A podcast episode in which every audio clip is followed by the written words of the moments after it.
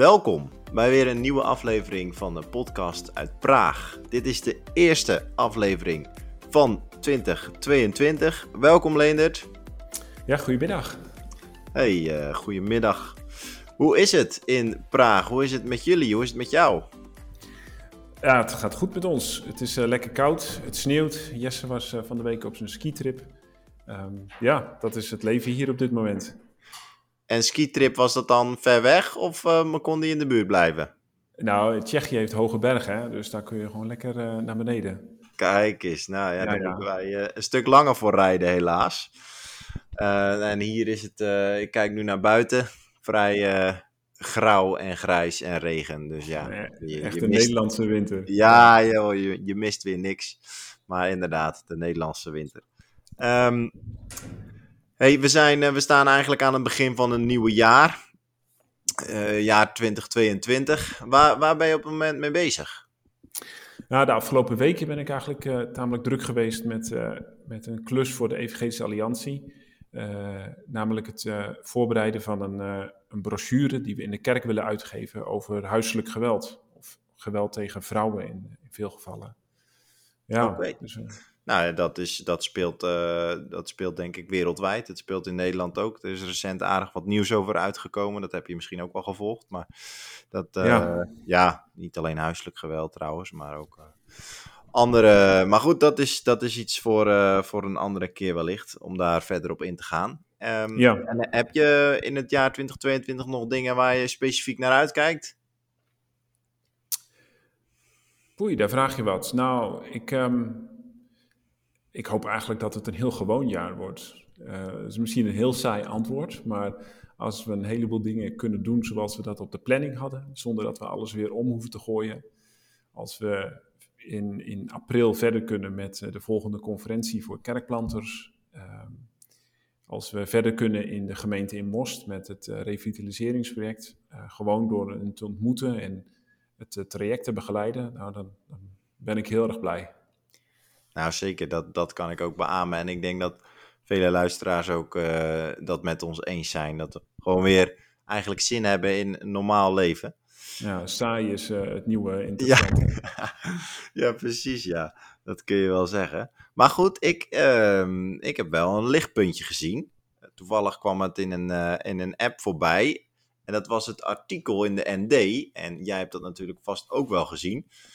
Dat ging ehm, de, de kop, uh, uh, de titel uh, benaamd Secularisering heeft in Tsjechië een dieptepunt bereikt. Nou ja, ja. Dat, dat is in, in mijn ogen is dat een positief, positief nieuws. Zie jij dat ook zo? Nou, ik heb er wat gemengde gevoelens bij toen ik die, toen ik die kop las. Um, kijk, vanuit de, vanuit de kerk waar we zelf deel van uitmaken, de, de Tsjechische Broederkerk, um, zie ik die stagnatie uh, wel, uh, al wat langer ook. Toen wij, uh, toen wij in 2013 hier kwamen, toen gingen we die, de vorige onderzoeken opzoeken uit 2011. En toen schrokken we van de cijfers, helemaal als we die vergeleken met 10 en 20 jaar daarvoor.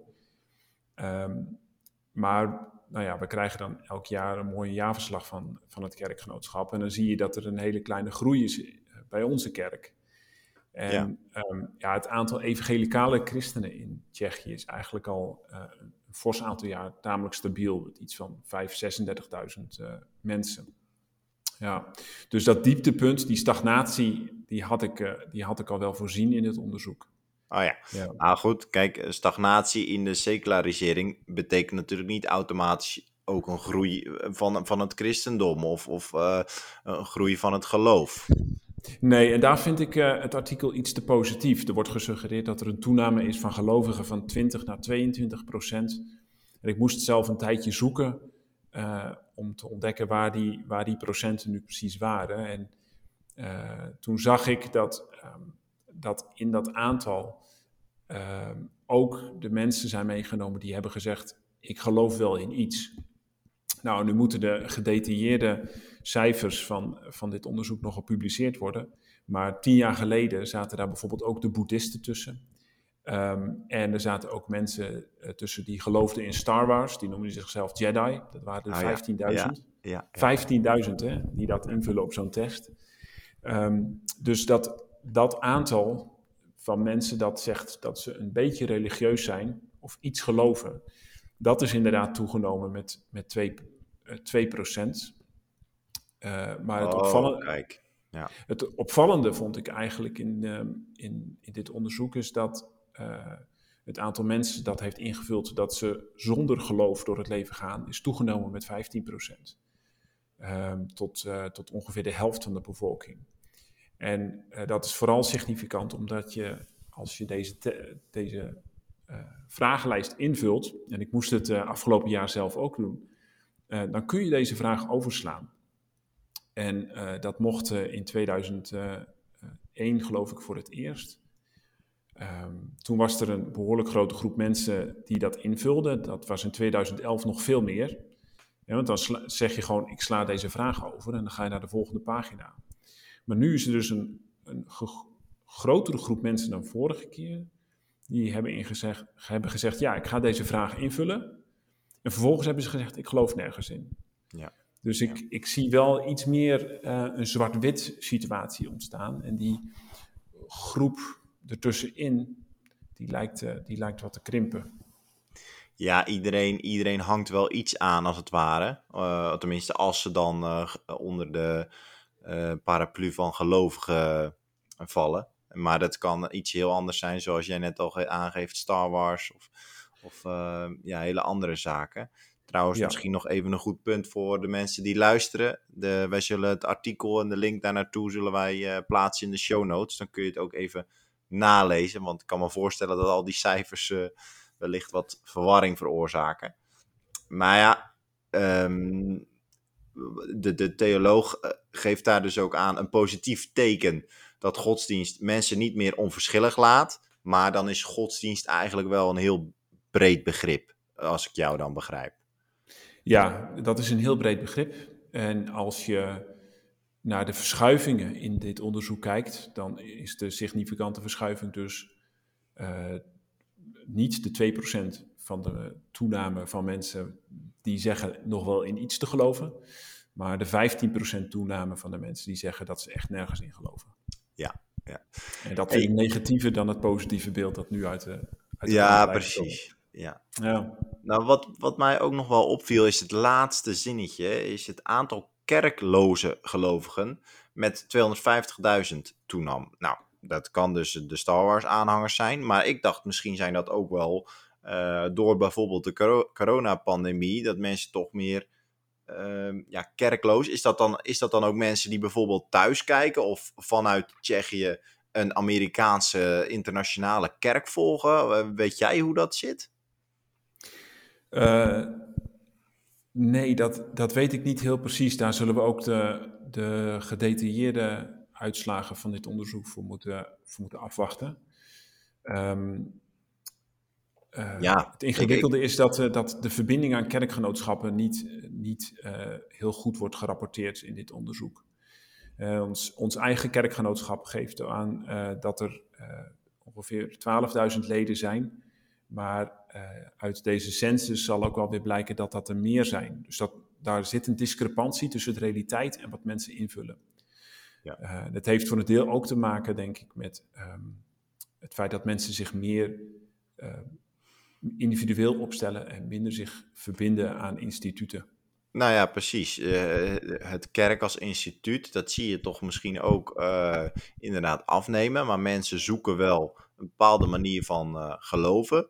Ehm, dus dit, dit vond ik ook wel een opvallend cijfer. En wellicht dat we dat in Nederland ook wel zien. Dat er toch meer steeds meer ook kleine kringen. Dus eh, ja, een soort huisbijbelkring bijvoorbeeld. Gewoon een kleine kring waar je toch dan in, in samenkomt. Maar wat je niet gelijk een kerk noemt. En ja, Nee, dat juist. is- maar dat, is- ehm, dat moeten we zien in de gedetailleerde uitslagen. Ja, Ja. precies. Nou, dan, eh, dan komen we daar nog maar op terug, denk ik. Ehm, nou ja, het, de, de vertaalslag naar het dagelijks leven, kunnen we die leggen? Kun jij zeggen van, nou, die, die toch wel, die toename, eh, misschien van, van de gelovigen en de, in, in ieder geval de stagnatie van de secularisering, zie jij dat ook om je heen in de kerk, in de maatschappij? Ehm, nou, de, de ervaring dat het stagneert ehm, is heel moeilijk uh, te, te beschrijven. Uh, maar wel heb ik het gevoel dat het, um, uh, de ontvankelijkheid van mensen voor religieuze thema's of geloof in God als, als gespreksonderwerp of iets, dat dat minder is dan een jaar of acht geleden. Um, toen wij um, in 2012 naar uh, Tsjechië vertrokken en hier in de jaren 13, 14, 15 um, met mensen in gesprek raakten over deze vragen. Toen zeiden veel Tsjechische christenen ook, en dat, dat werd ook gestaafd door onderzoek onder jongeren, dat juist um, de jonge generatie van 15 tot 25 of 30 jaar uh, zeer open zou staan voor uh, geloof. Okay. En dat, dat merkten we op dat moment ook in onze contacten en ontmoetingen. En het lijkt er wel een beetje op alsof die deur een beetje aan het dichtgaan is. Uh, dus ik, ik ben er een beetje bang voor dat de stijging van het aantal mensen wat expliciet zegt, ik geloof niet, dat die misschien wel in die groep te vinden is. Ah, ja. Dus die ja. hebben misschien wel, die zijn er wel mee in aanraking geweest, maar die hebben als het ware niet toegehapt. Nee, dat zou kunnen. Of, of uh, wel gezocht, maar niets kunnen vinden. Uh, de kerk is uiteindelijk natuurlijk zo klein hier dat uh, het, het, niet altijd makkelijk is om een christen te vinden. Als ik door de stad loop, of als ik in de tram zit, of, of op een metrostation overstap, ik kom niet vaak mensen tegen van wie ik weet dat het christenen zijn. Hm. Zoals je in Amersfoort op de fiets of in een dorp in Nederland zo iemand uit de kerk kunt tegenkomen en even zwaait en dag zegt. Uh, dat, dat is een hele andere ervaring hier. Ja. dat is zo. Maar wat jij zegt ook, de aanraking met het geloof is ook moeilijk. Is het dan in Tsjechië ook bijvoorbeeld op uh, YouTube of tv, uh, podcast, in, in de gelovige sector? Zijn er een aantal bekende dominees die bijvoorbeeld een groot publiek hebben? Of, of is dat helemaal niet? Nou, er zijn wel YouTube-kanalen en, en, en websites waar mensen te vinden zijn, artikelen of filmpjes, maar dat neemt geen hoge vlucht. Nee, er zijn geen grote bekende sterren of zo. Nee. Nou, dan moeten wij deze podcast toch maar in het Tsjechisch gaan opnemen. Alleen dit dan. ja. Wie weet, hè? Ja, maar een sterrenlures hebt. Ja. ja, nou ja, ik niet. Maar goed, uh, en ik sowieso Tsjechisch, dat gaat me ook uh, gaat me nog niet zo goed af. Laat ik het daarop houden. Ja.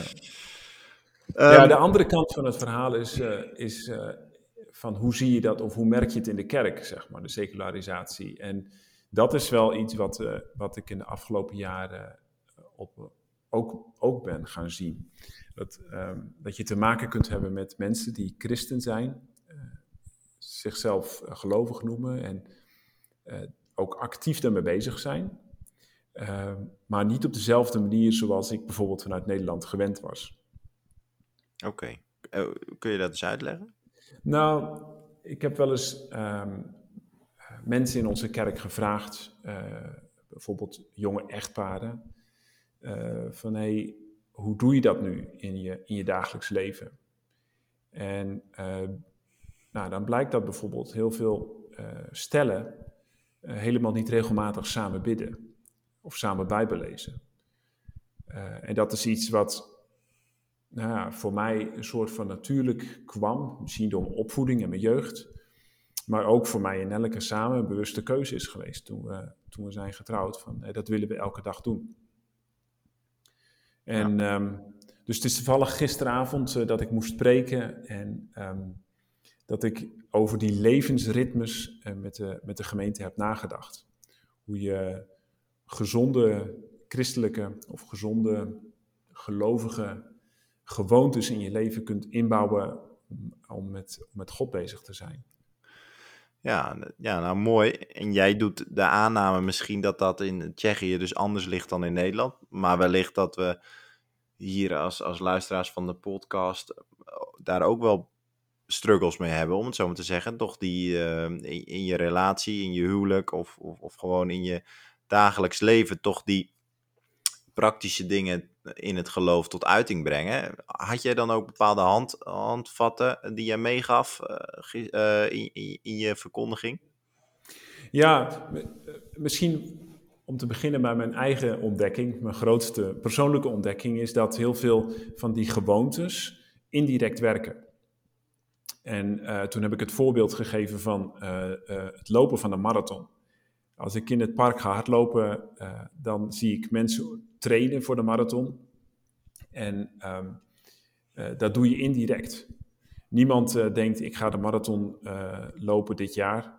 En gaat dan elke week 42 kilometer hardlopen. Om zich voor te bereiden op die marathon. Maar je, je doet het indirect. Dus je gaat 5 kilometer trainen, je gaat 10 kilometer trainen. En um, door die kleine stukjes te trainen, door te doen wat je kunt, kun je ontwikkelen datgene wat je nog niet kunt. En wat je later wel kan. En zo is het volgens mij ook met, uh, met uh, uh, christelijke gewoontes, bijbelezen en bidden. dat, moet je, dat moet je elke dag doen. Dat moet je regelmatig doen. Je neemt kleine, kleine stukjes en daar, daarmee ontstaat het vermogen om iets groters te, te kunnen en te kunnen ervaren. En het tweede, wat ik, um, het tweede wat ik denk zo concreet mogelijk heb geprobeerd te, te, te, zeggen, is dat je dit soort dingen samen moet doen. En dat je ze moet verbinden aan de dagelijkse momenten in het leven. zoals uh, tandenpoetsen voordat je naar bed gaat een gewoonte is. Um, zo is het misschien ook wel een hele goede gewoonte om te bidden voordat je naar bed gaat. Net zo goed als dat we drie keer op een dag eten. Dat zijn dus drie momenten waarop je ervoor kunt kiezen om bijvoorbeeld samen de Bijbel te lezen, of te bidden, of een lied te zingen.